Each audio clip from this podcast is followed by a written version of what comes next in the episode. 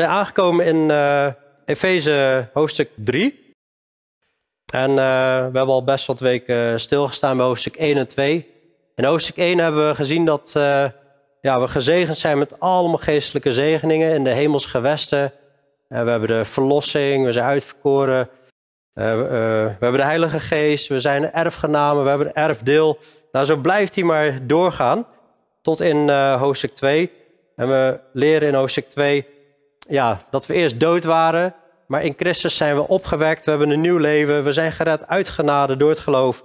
En nu zijn we zijn maaksel geschapen in Christus Jezus om goede werken te doen. En vorige keer hebben we lang stilgestaan bij uh, hoe, hoe Jood en Heide eigenlijk in één lichaam bij elkaar zijn gekomen.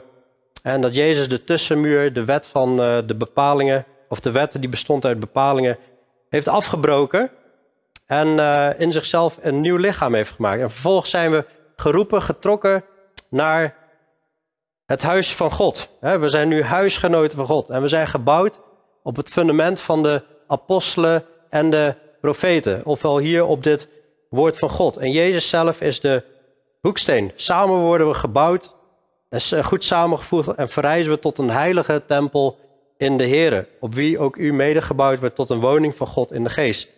Zo eindigden we hoofdstuk 2. En dan in hoofdstuk 3, dan begint Paulus met om deze reden, hè, dus alles wat hij hiervoor gezegd heeft, ben ik, Paulus, de gevangene van Christus Jezus voor u, die heidenen bent.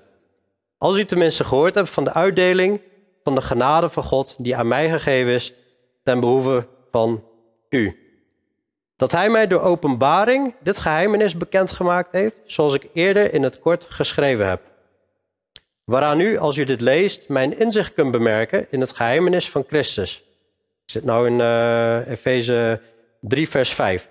Dat in andere tijden niet bekendgemaakt is aan de mensenkinderen, zoals het nu geopenbaard is aan zijn heilige apostelen en profeten door de geest. Namelijk dat de heidenen mede-erfgenamen zijn en tot hetzelfde lichaam behoren en mede deelgenoten zijn van zijn belofte in Christus, door het evangelie. Waarvan ik een dienaar geworden ben, krachtens de gave eh, van de genade van God, die mij gegeven is, naar de werking van zijn kracht. Mij, de allerminste van alle heiligen, is deze genade gegeven om onder de heidenen door het evangelie de onnaspeurlijke rijkdom van Christus te verkondigen. En alle te verlichten opdat zij mogen begrijpen wat de gemeenschap aan het geheimenis inhoudt, dat door de eeuwen heen verborgen is geweest in God, die alle dingen geschapen heeft door Jezus Christus. Opdat nu door de gemeente aan de overheden en de machten in de hemelse gewesten de veelvuldige wijsheid van God bekendgemaakt zou worden. Volgens het eeuwige voornemen dat Hij gemaakt heeft in Christus Jezus, onze Heer. In Hem hebben wij de vrijmoedigheid en de toegang met vertrouwen door het geloof in Hem. Daarom vraag ik u de moed niet, dat u de moed niet verliest vanwege mijn verdrukkingen omwille van u, want dat is uw heerlijkheid. En om deze reden buig ik mijn knieën voor de Vader van onze Heer Jezus Christus. En de rest zullen we dan volgende keer behandelen. Nou, eigenlijk behandelen we maar, uh, als ik goed heb geteld, een zin of uh, drie, vier. Uh, vandaag. Alleen ja, Paulus kennen, die heeft soms wat langere zinnen. Dus het zijn uiteindelijk toch uh, 13 uh, versen. Maar ik wil bij twee dingen stilstaan. Aan de ene kant stilstaan bij de roeping van Paulus. En de andere kant stilstaan bij het geheimenis in, in Christus. En wat dat allemaal verder inhoudt. Daar hebben we wel, wel wat bij stilgestaan. Maar als we kijken naar de roeping van Paulus. Want Paulus heeft het hier Meerdere keren heeft hij het over zijn roeping. Hij begint al hè, dat hij een gevangene van Christus Jezus is. In hoofdstuk 3 vers 1, hoofdstuk 4 vers 1 en in hoofdstuk 6 spreekt hij over dat hij gevangen is. Hier zou je nog kunnen denken, oh hij is gevangen om Christus te dienen. Maar hij zit echt in de gevangenis. Vanuit de gevangenis schrijft hij deze brief. In hoofdstuk 6 zie je dat hij in de kettingen zit. En dit is allemaal voor u. En je zag ook in hoofdstuk uh, ja, voor u, dat is dan de heidenen die toen nog leefden, maar net zo goed voor ons. En hij, eindigt ook in vers 13. Uh, hij zegt, om alles wat ik verkondig, vraag ik u dat u de moed niet verliest vanwege mijn verdrukking omwille van u. want dat is uw heerlijkheid. Hij spreekt ook in vers uh, 2, 3 en 4, spreekt hij ook over zichzelf. Hè? Als u tenminste gehoord hebt van de uitdeling van de genade van God, die aan mij gegeven is ten behoeve van u. Dat God mij door openbaring dit geheim bekendgemaakt heeft, zoals ik eerder in het kort geschreven heb, waaraan u, als u dit leest, mijn inzicht kunt bemerken in het geheimenis van Christus. Dus het is op zich wel goed om heel even stil te staan waar, bij waar komt Paulus vandaan. En dan komen we in het uh, boek Handelingen. In het boek Handelingen komen we Paulus voor het eerst tegen in hoofdstuk 7 op het eind. Alleen dan heet hij nog Saulus. Hij is degene die erbij staat en die toestemming eigenlijk geeft om Stefanus te laten stenigen.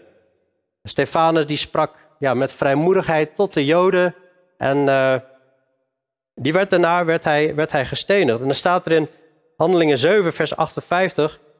Hè, ze, ze wierpen hem, Stefanus, de stad uit en stenigden hem. En de getuigen legden hun kleren af aan de voeten van een jonge man die Saulus heette.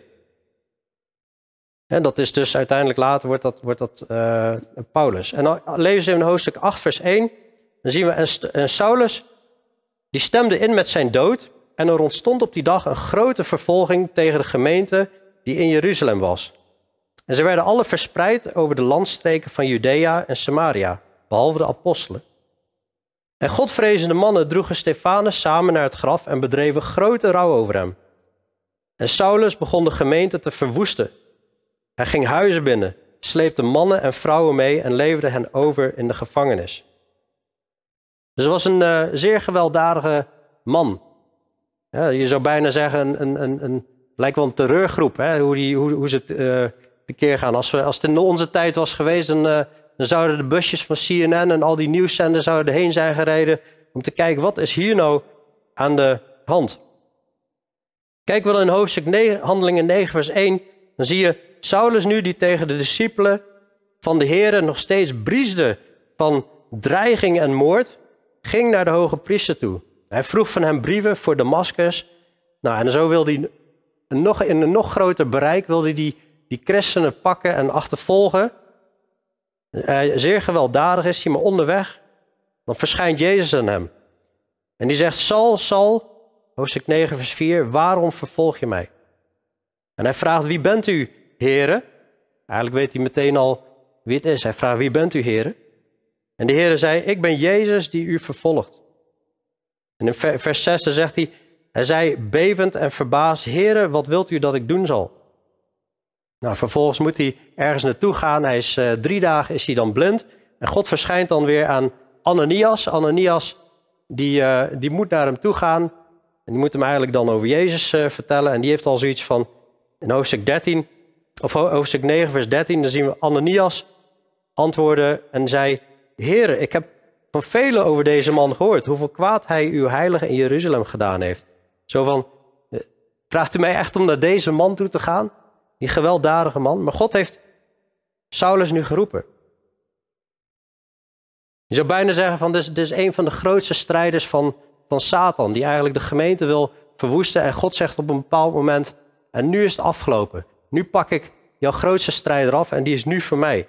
En hoofdstuk 9 vers 15 zien we, de Heere zei tegen hem, ga, want deze is voor mij een uitverkoren instrument om mijn naam te brengen naar de heidenen en de koningen en de Israëlieten. Want ik zal hem laten zien hoeveel hij moet lijden voor mijn naam. Dus Paulus onderweg, verwoest de gemeente, ziet de Heer Jezus en hij wordt later, als je al die verhalen bekijkt, wordt hij afgeranseld en in 2 Korinthe 11, daar uh, moet Paulus, die, die verdedigt zichzelf tegenover de Corinthiërs, daar had hij ook een gemeente gestart. En er zijn er valse apostelen zijn binnengekomen en dan verdedigt hij zijn apostelschap. En uh, dan lijkt het alsof hij heel erg, heel erg op gaat scheppen, maar dat doet hij niet. Maar hij, hij somt gewoon eens op van wat hij allemaal heeft meegemaakt omwille van Christus.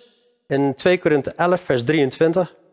En dan, en dan heb je eigenlijk een samenvatting van al het lijden van Paulus, omwille van de gemeente. Dan zegt hij, zijn zij dienaars van Christus? 2 Korinthe 11, vers 23. Ik spreek als een waanzinnige. Ik sta boven hen. En dan heeft hij het over die valse leraren. In ingespannen arbeid veel vaker. In slagen boven mate. In gevangenissen veel vaker. En vaak in doodsgevaar. Van de Joden heb ik vijfmaal de 40 min 1 zweepslagen ontvangen. Dat zijn echt hele serieuze en zware zweepslagen. Paulus die heeft gewoon allemaal littekens op zijn rug. Zijn rug is kapot. Driemaal ben ik met de roede gegezeld. Eenmaal ben ik gestenigd. Dat verhaal lees je ook in, in handelingen. In, in Zuidoost-Turkije, zeg maar. Daar heb je Lystre, Derbe. Daar wordt hij achtervolgd door Joden en dan wordt hij gestenigd. Hij wordt de stad uitgesleept. En dan ligt hij daar ja, als voor dood. Dus ze denken dat hij dood is. En dan komen de discipelen. Die staan om hem heen en hij staat ineens weer op. En hij gaat zo weer de steden in om weer het evangelie te verkondigen. Dat is ongelooflijk. Maar goed, hij wordt wel eeuwig gestenigd. Driemaal heb ik schipbreuk geleden. Een heel etmaal, 24 uur, heb ik in de volle zee doorgebracht. Op reis was ik vaak in gevaar door rivieren, in gevaar door rovers, in gevaar van de kant van volksgenoten, in gevaar van de kant van heidenen, in gevaar in de stad, in gevaar in de woestijn, in gevaar op zee, in gevaar onder valse broeders, in inspanningen en moeite, vaak in nachten zonder slaap. Daar herken ik me soms ook wel eens in. In honger en in dorst, en vaak in vasten, in koude en naaktheid. Afgezien wat van buitenaf komt, overvalt mij dagelijks de zorg voor alle gemeenten. Hiermee is overigens ook echt meteen de hele welvaartsevangelie van tafel geveegd. Hè? Want als je ziet wat Paulus allemaal meemaakt, is helemaal, het lijkt niet zo'n succesverhaal, maar toch is dit groots wat er gebeurt. En als je kijkt naar een heel groot deel van handelingen op het eind, dat gaat allemaal over Paulus. Hoe hij uiteindelijk naar Jeruzalem ging, hij hoorde al van, ja, het, zal je dood worden als je naar Jeruzalem gaat. Eh, hij weet wat hem staat te wachten en toch, vurig begint hij te preken voor de Joden. En zodra hij begint over de heidenen, dan willen ze hem afmaken. En dan zijn er meer dan veertig man die, die, die, die plegen dan een samenswering. Die zeggen, wij gaan, wij gaan niet meer eten totdat deze man dood is. En dan moeten de Romeinen moeten hem uit Jeruzalem begeleiden naar Caesarea, een plaats aan de kust. En hij wordt begeleid door 470 man. Door 200 soldaten, door 70 ruiters en door nog 200 boogschutters. Voor één man. Die gevaarlijke man die Jezus volgt. En dat doet hij allemaal om ons. Is allemaal om ons. He, daar zien we in Efeze 3, vers 13, dat die verdrukkingen zijn omwille van u, omwille van de heidenen. Dat is een groot instrument geweest, door God gebruikt. In Galaten, dan zegt hij nog, u hebt immers gehoord van mijn levenswandel, Galaten 1 vers 13. Voorheen in het Jodendom, dat ik de gemeente van God uitermate fel vervolgde en die verwoestte. En dat ik in het Jodendom meer vorderingen maakte dan veel leeftijdgenoten onder mijn volk. Omdat ik een nog groter ijveraar was voor de overleveringen van mijn vaderen. Maar dat is, helaas was dat een religieus systeem. Maar toen het God, die mij vanaf de buik van mijn moeder heeft afgezonderd en geroepen door zijn genade, toen het God behaagde zijn zoon in mij te openbaren, opdat ik hem door het evangelie onder de heidenen zou verkondigen, omdat ik hem door het evangelie onder de heidenen zou verkondigen, ging ik meteen niet te raden bij vlees en bloed. Ik ging ook niet naar Jeruzalem, dus hij ging niet meteen naar mensen. Hij ging ook niet naar Jeruzalem, maar naar hen die al voor mij apostel waren. Uh, naar hen die voor mij apostel waren, maar ik vertrok naar Arabië en keerde weer terug naar Damascus. Daarna, drie jaar later, ging ik naar Jeruzalem om Petrus te bezoeken en ik bleef vijftien dagen bij hem. En ik heb uh, niemand anders van de apostelen gezien, alleen Jacobus, de broer van de Heer. Waarom laat ik dit zien? Dat uh, Paulus, toen hij geroepen werd, is hij niet meteen naar de apostelen gegaan om onderwijs te krijgen. Nee, Paulus is eerst in ieder geval zeker een, een, een periode van drie jaar lang, lijkt het, alleen met de Heer geweest. Hij is naar Arabië geweest, hij is weer in Damascus geweest. En later komt hij pas dus bij de apostelen. Hij heeft bijzondere openbaring gehad. Dat zien we ook hier in hoofdstuk Efeze 3, vers 3, dat God hem door openbaring een geheimenis bekendgemaakt heeft. En in, in vers 4 heeft hij het ook over, als je dit leest, dat je, dat je zijn inzicht kunt bemerken in het geheimenis van Christus. Hij had rechtstreeks contact met God. Daarom zie je ook in 1 Korinthe 11, als we dat voorlezen bij het avondmaal, dan zegt Paulus, ik heb u ook overgeleverd wat ik van de Heeren ontvangen heb. Had dat niet van de apostelen, maar rechtstreeks van de Heeren. Ook in Handelingen 22, dan, dan is uh, Paulus weer aan, aan, aan het spreken over zijn verhaal. En dan zegt hij, het overkwam mij toen ik in Jeruzalem teruggekeerd was en in de tempel bad, dat ik in geestvervoering raakte. dat is uh, na, zijn, na zijn bekering. En dat ik hem zag, God, en hij tegen mij zei, haast u en ga met spoed uit Jeruzalem weg, want ze zullen uw getuigenis over mij niet aannemen. En dan zegt Paulus, heren, ze weten dat ik hen, die in u geloofden, in de gevangenis wierp en in de synagoge liet geeselen.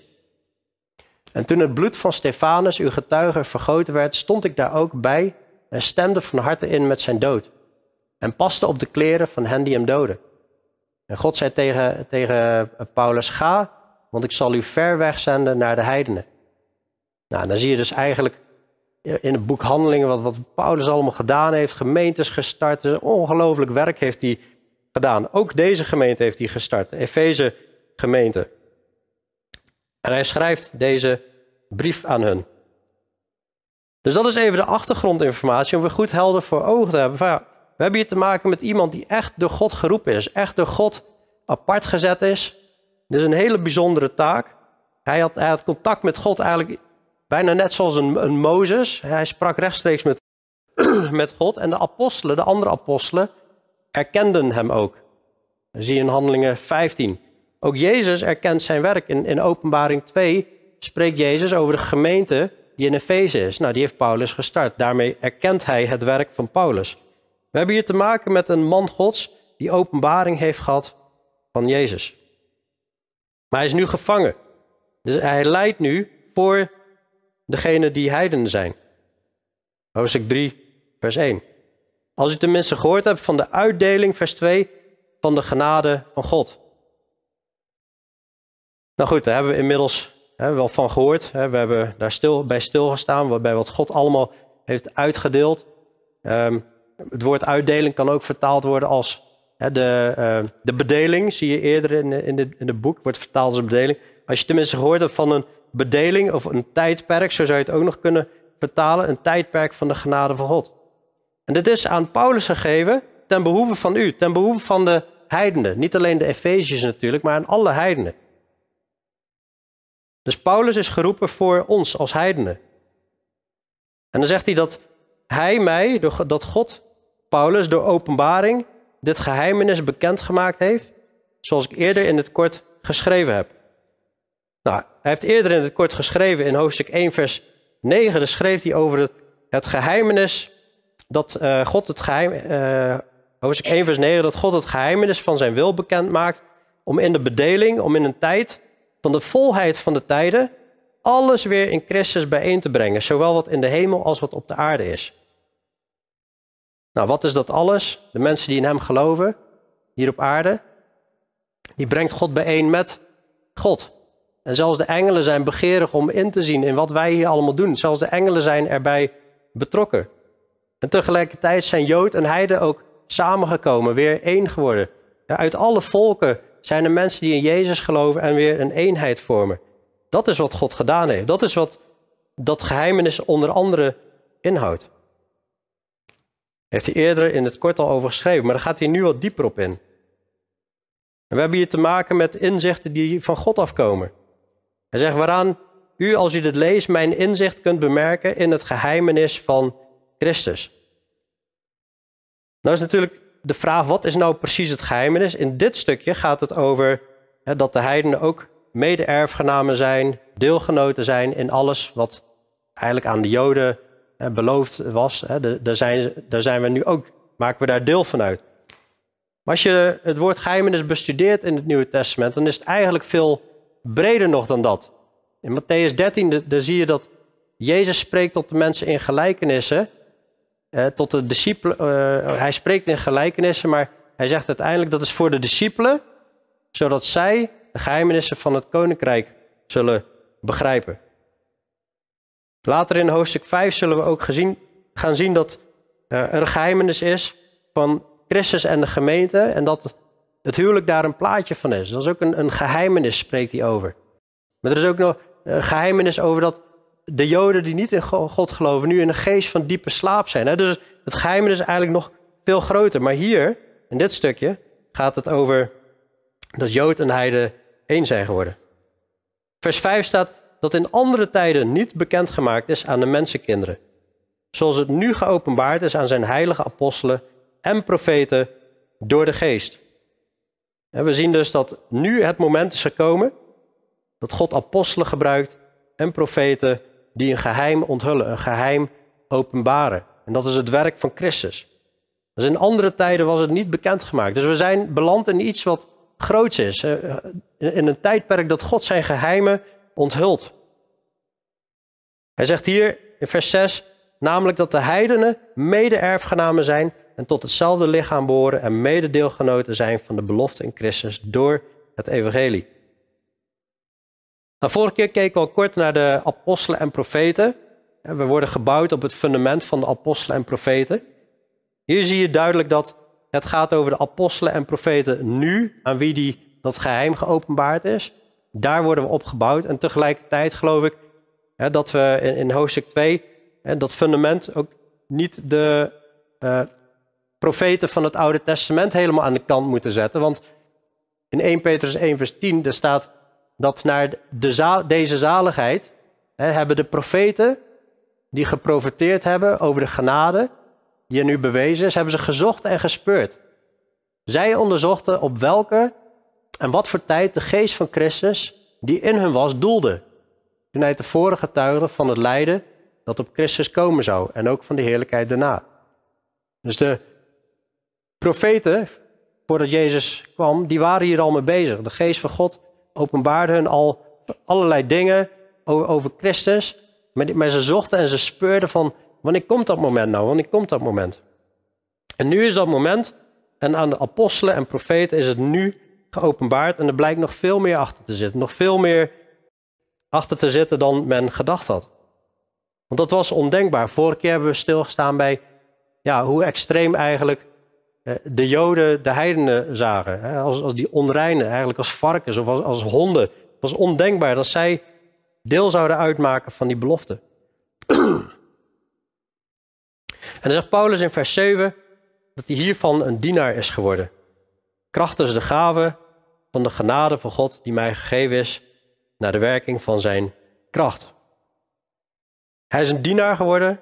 God heeft hem geroepen op een hele bijzondere manier. Hij is een dienaar. En op deze uh, grond, hè, waarop hij geroepen is, zeg maar, heeft hij de gave van de genade van God. In vers 2 wordt gesproken over de uitdeling van de genade van God. Hier wordt gesproken over krachtens de gave van de genade van God. Ineens voegt hij de gave toe. Ik geloof dat hiermee bedoeld wordt dat het echt een gave is van Paulus, wat hem gegeven is. Dat hij zo elke keer kan, kan, kan strijden, dat hij dit woord kan openbaren. Uh, normaal gesproken zou iemand die zo afgeranseld zou worden, zo gestenigd zou worden, die zou denk ik de moed verloren hebben.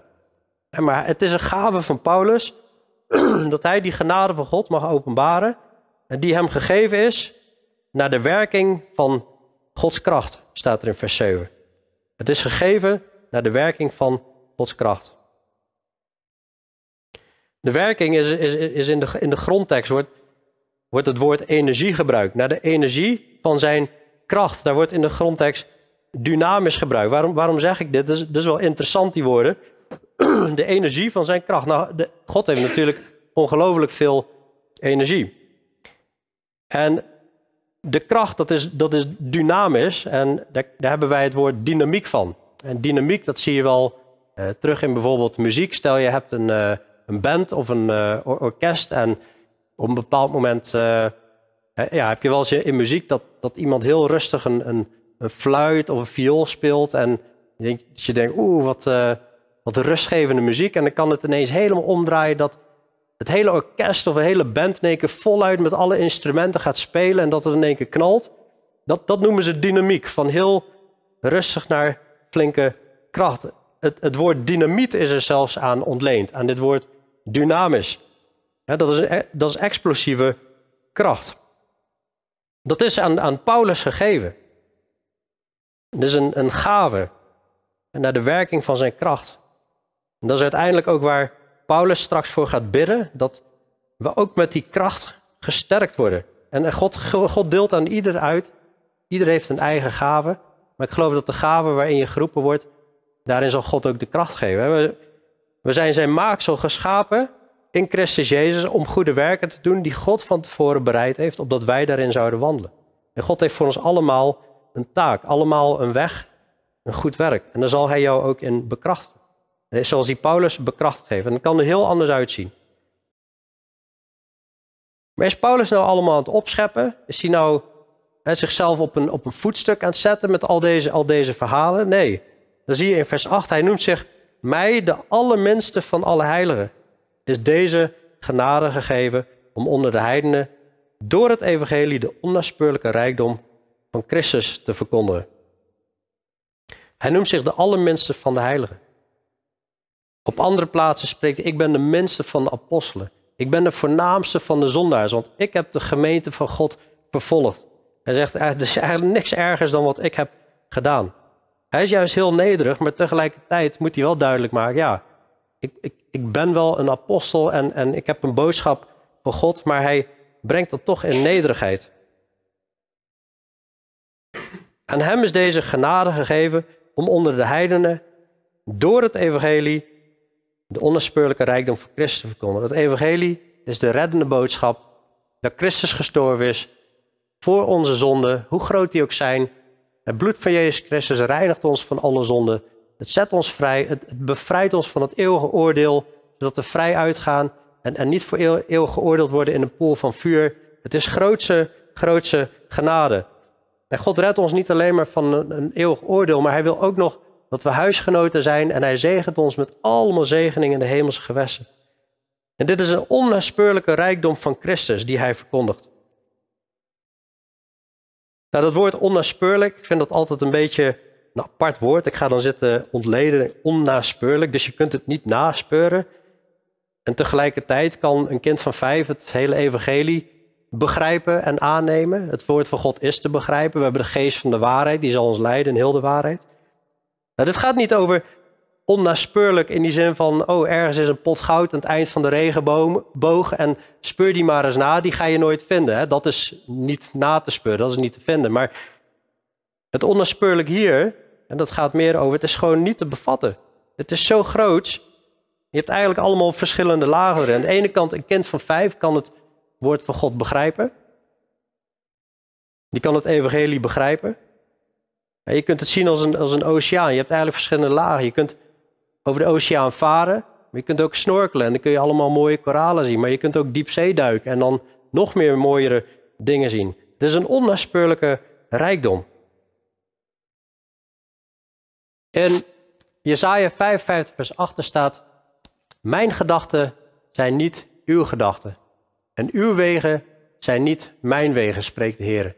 Want zoals de hemel hoger is dan de aarde, zo zijn mijn wegen hoger dan uw wegen en mijn gedachten dan uw gedachten. God heeft ontzettend veel openbaring gegeven, ontzettend veel onthuld.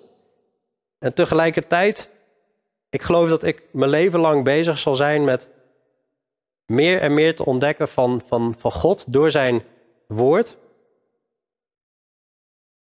En tegelijkertijd, ja, het pas helemaal zal vatten als we, als we, als we boven zijn bij Hem. En hij wil alle verlichten, vers 9, opdat ze mogen begrijpen wat de gemeenschap aan het geheimenis inhoudt, dat door de eeuwen heen verborgen is geweest in God, die alle dingen geschapen heeft door Jezus Christus. Nou, eigenlijk is vers, vers 8 tot en met uh, eh, 11, als ik goed heb. Dus, dat is eigenlijk een vrij lange zin waar we in zitten. Dus ik heb heel even, het is bijna niet te zien, maar dat is een uh, kruis en het is donker. Um, Probeer, ik probeer hier even de samenvatting uh, te geven van vers 8 tot en met uh, eh, 11. Hij maakt in ieder geval uh, drie, vier punten. Dus allereerst heeft hij door het evangelie de onnaspeurlijke rijkdom van Christus verkondigd. Dat is wat hij zegt. Het volgende punt wat hij zegt. En alle te verlichten, alle verlichten, opdat zij mogen begrijpen wat de gemeenschap aan het geheimenis inhoudt. Dat door de eeuwen heen verborgen is geweest in God. Die alle dingen geschapen heeft door Jezus Christus. Dus op het moment dat hij het eh, verkondigt, wil hij verlichting geven. Verlichting betekent, oh, ineens zie je wat de waarheid is. Ineens is er begrip, komt er dan, opdat zij mogen begrijpen wat de gemeenschap aan het geheimenis inhoudt. Nou, dat heeft hij nu uitgebreid uitgelegd, wat uh, uh, gemeenschap aan het geheimenis inhoudt. Al die geestelijke zegeningen in de hemelse gewesten. En dit was door de eeuwen heen verborgen in God. En dus hij wil dat we verlicht worden, begrip hebben van de gemeenschap aan het geheimenis. En dat was eerst verborgen. Maar het was er altijd wel. Het was alleen verborgen, want ja, uh, iets wat je verbergt, hè, dat, dat moet wel aanwezig zijn. Je kunt iets wat er niet is, kun je niet verbergen, zeg maar. Het was door de eeuwen heen verborgen. En het was een eeuwig voornemen, zullen we ook in, in vers 11 eh, zien. En hij heeft het nu pas, heeft hij dat, dat openbaar gemaakt, dit, uh, dit, dit geheimenis aan ons. Die, uh, dus door de eeuwen heen was het verborgen in God, die alle dingen geschapen heeft door Jezus Christus. En Jezus Christus is de schepper, God heeft door Jezus Christus heen alles geschapen. Maar er was nog een geheim door alle eeuwen heen. En God wil dat, in vers 10, dat nu door de gemeente aan de overheden en de machten, de hemelse gewesten, in de hemelse gewesten, de veelvuldige wijsheid van God bekendgemaakt zou worden. Dus Paulus heeft dit wel allemaal verkondigd, maar nu is er voor ons dus de taak dat door de gemeente aan overheden en machten in de hemelse gewesten de veelvuldige wijsheid van God bekend gemaakt zou worden. Dus eigenlijk zegt hij van ja, dit heb ik allemaal, allemaal doorgegeven en jullie mogen het eigenlijk doorgeven. Jullie mogen nu als gemeente aan de overheden en machten in de hemelse gewesten de veelvuldige wijsheid van God bekendmaken. Nou, overheden en machten, dat is wel apart dat dat hier staat. Want je zou denken, oh, we hadden toch de missie om het evangelie te verkondigen aan mensen. En, en mensen te onderwijzen en leren onderhouden alles wat Jezus geboden heeft. Maar nu zie je dat het, ook, dat het ook als doel heeft dat we aan de overheden en de machten in de hemelse gewesten de veelvuldige wijsheid van God bekendmaken. Nou, overheden en machten, dat zullen we in hoofdstuk 6 zien, dat zijn, dat zijn eigenlijk de demonen en Satan. die, die worden ook de overheden en de, en de machten genoemd in hoofdstuk 6.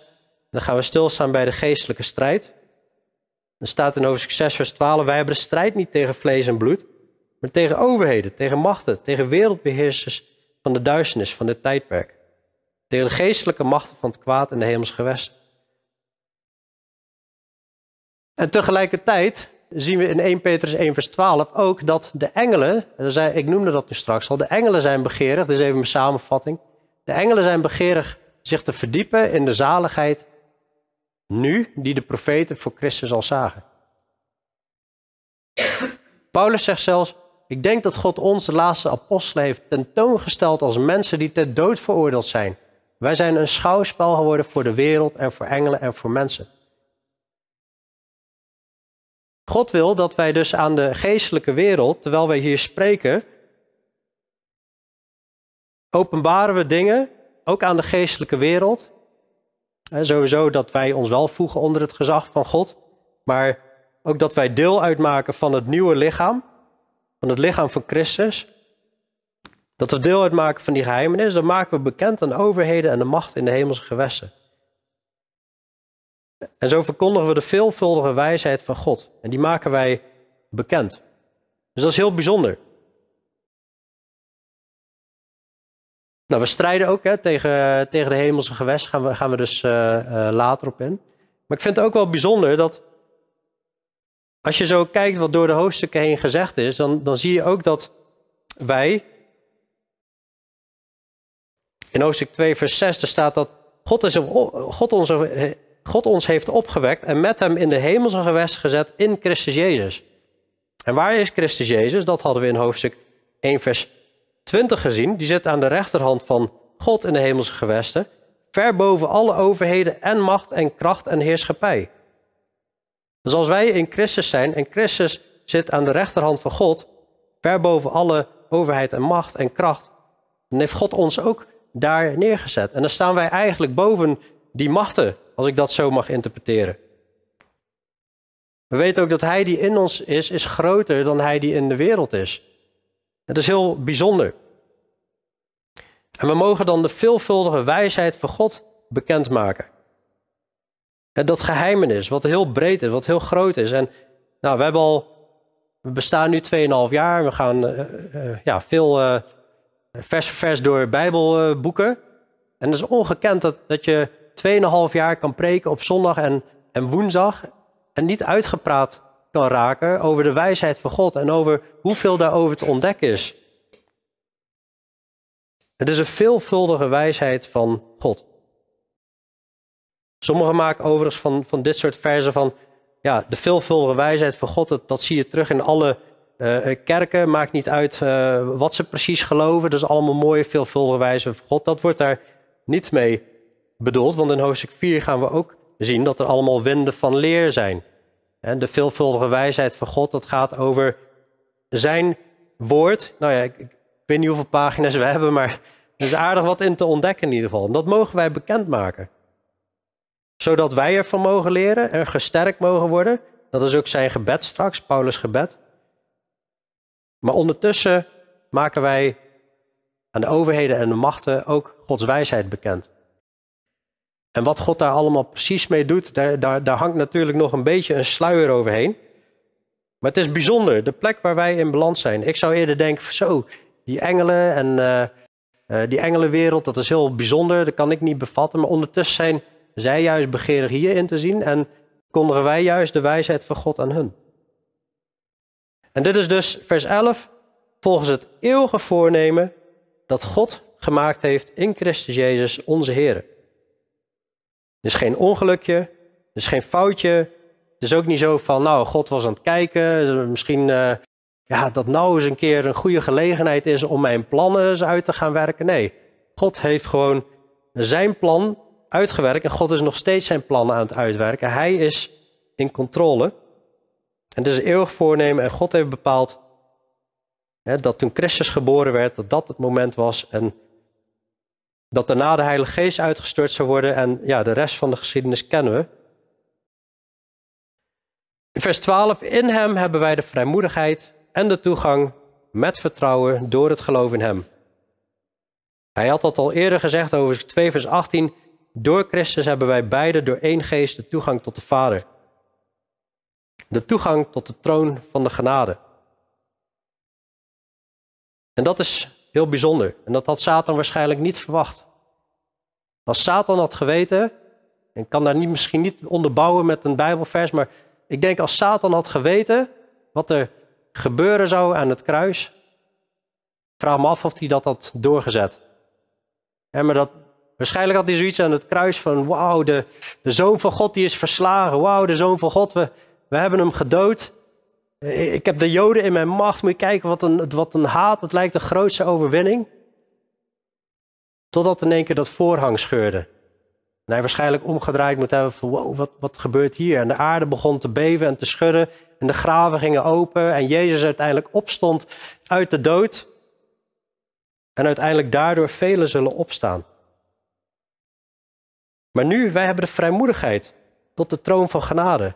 Een volk wat nu niet meer alleen de Joden in Israël, maar iedere Jood die in Jezus gelooft, met iedere heide die in Jezus gelooft, heeft ineens wereldwijd een volk. En het is nog steeds bezig, het is nog steeds gaande. En we hebben vrijmoedigheid en de toegang met vertrouwen door het geloof in Jezus. Nou, dan komt Paulus weer terug op zijn positie. Hij zit gevangen. En, je speurt geen, geen enkele vorm van moedeloosheid. Je bespeurt geen enkele vorm van moedeloosheid bij Paulus. Je bespeurt geen enkele vorm van vrees of angst dat hij in de gevangenis zit. Hij is alleen maar met de gelovigen bezig. Hij is alleen maar met de heerlijkheid van God bezig, met zijn wijsheid. En dan zegt hij tegen de Efeziërs: Ik vraag dat u de moed niet verliest vanwege mijn verdrukking, omwille van u. Want dat is uw heerlijkheid.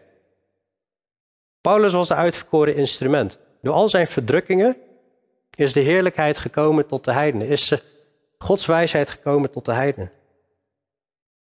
Ik heb thuis heb ik zo'n zo'n boek de, van uh, Paxus Book of Martyrs. Dus, een man die leefde een paar eeuwen geleden, maar inmiddels is, is alles aangevuld tot volgens mij 2004 of zo. Dat gaat over alle martelaren door de eeuwen heen. Het is bijzonder dat je elke ziet als mensen gemarteld worden, dat de gemeente niet ophoudt te bestaan, maar eigenlijk juist door hun getuigenis er weer nieuwe mensen vaak weer tot geloof komen. En zo zie je ook bij Paulus dat door zijn verdrukking, dat zijn verdrukking dat is omwille van u, omwille van de heidenen geweest. Hij heeft uiteindelijk 13 boeken geschreven van het Nieuwe Testament, 13 van de 27. Dat is een groot instrument geweest. We mogen God ontzettend dankbaar zijn voor Paulus, maar vooral voor de Heer Jezus natuurlijk. En dat aan Paulus door de Heer al deze dingen geopenbaard zijn over Jezus. En dan zegt Paulus, om deze reden buig ik mijn knieën voor de Vader van onze Heer Jezus Christus. En dan gaat hij in gebed voor hun en dan gaan we volgende keer naar kijken hoe ontzettend mooi dat gebed is. En daar kunnen we veel van leren en ook weer het belang van gebed zien. En dat we echt in de kracht van de Heilige Geest mogen gaan wandelen. En dat we, zoals Paulus die kracht had gegeven, hij gaf niet op, hij ging maar door. Hij is gezet als een voorbeeld voor ons allemaal dat door al het lijden heen dat hij heeft volgehouden. En die wijsheid van God heeft geopenbaard. Zullen we bidden? Heer Jezus, wat een uh, rijkdom, wat een rijkdom zijn we in beland. Onnaspeurlijke rijkdom van Christus. Ja, in, in de voorbereiding raakte ik al diep onder de indruk van, van Paulus. Hoe aan de ene kant wat een lijden heeft hij meegemaakt. Maar Heer, toch hebt u door al dat lijden heen uzelf willen verheerlijken. En grootste wijsheid willen verkondigen door hem. Veel mensen willen bereiken. Heer, ik dank u enorm voor de apostel Paulus en dat hij zoveel brieven heeft geschreven in het Nieuwe Testament. Dank u wel dat we uw openbaringen hebben door hem heen. Dank u wel voor deze broeder. Maar bovenal, Heer Jezus, dank u wel voor uw grote rijkdom die ons gegeven is. Vader, we danken u voor uw zoon. We danken u voor alle geestelijke zegeningen in de hemelsgewest. We danken u dat we nu bij uw volk mogen horen. We danken u dat we zo rijk zijn in u. Dank u wel dat we huisgenoten genoemd mogen worden. En dank u wel voor deze gemeente, het huis van God. Heer, en wilt u ja, met de woordverkondiging doen waar het toe bestemd is, Heer. In onze harten, maar ook als we het verkondigen en de hemelse gewesten meeluisteren, Heer, wilt u doen waar het toe bestemd is. Ja, ik bid voor deze gemeente, Heer, dat we ook veel, net als Paulus, op de knieën mogen gaan. Om deze reden wat we allemaal hebben gehoord. Dat we op de knieën mogen gaan voor elkaar. Dat we mogen gaan bidden voor elkaar, Heer. En dat deze gemeente zal gaan groeien. Dat we geestelijk zullen gaan groeien. Dat we sterke strijders worden voor u. En uh, ja, wilt u ook blijven toevoegen aan uh, deze gemeente. En uh, ja, geven dat we gewoon puur en zuiver mogen blijven. Echt aan uw woord vast mogen houden. En dank u wel voor zoveel rijke woorden. Dank u wel voor uw liefde. Heer, en wilt u ons allemaal weer vervullen met uw geest. En bekrachtigen en ons helpen om te wandelen in, in de werken die u van tevoren bereid hebt.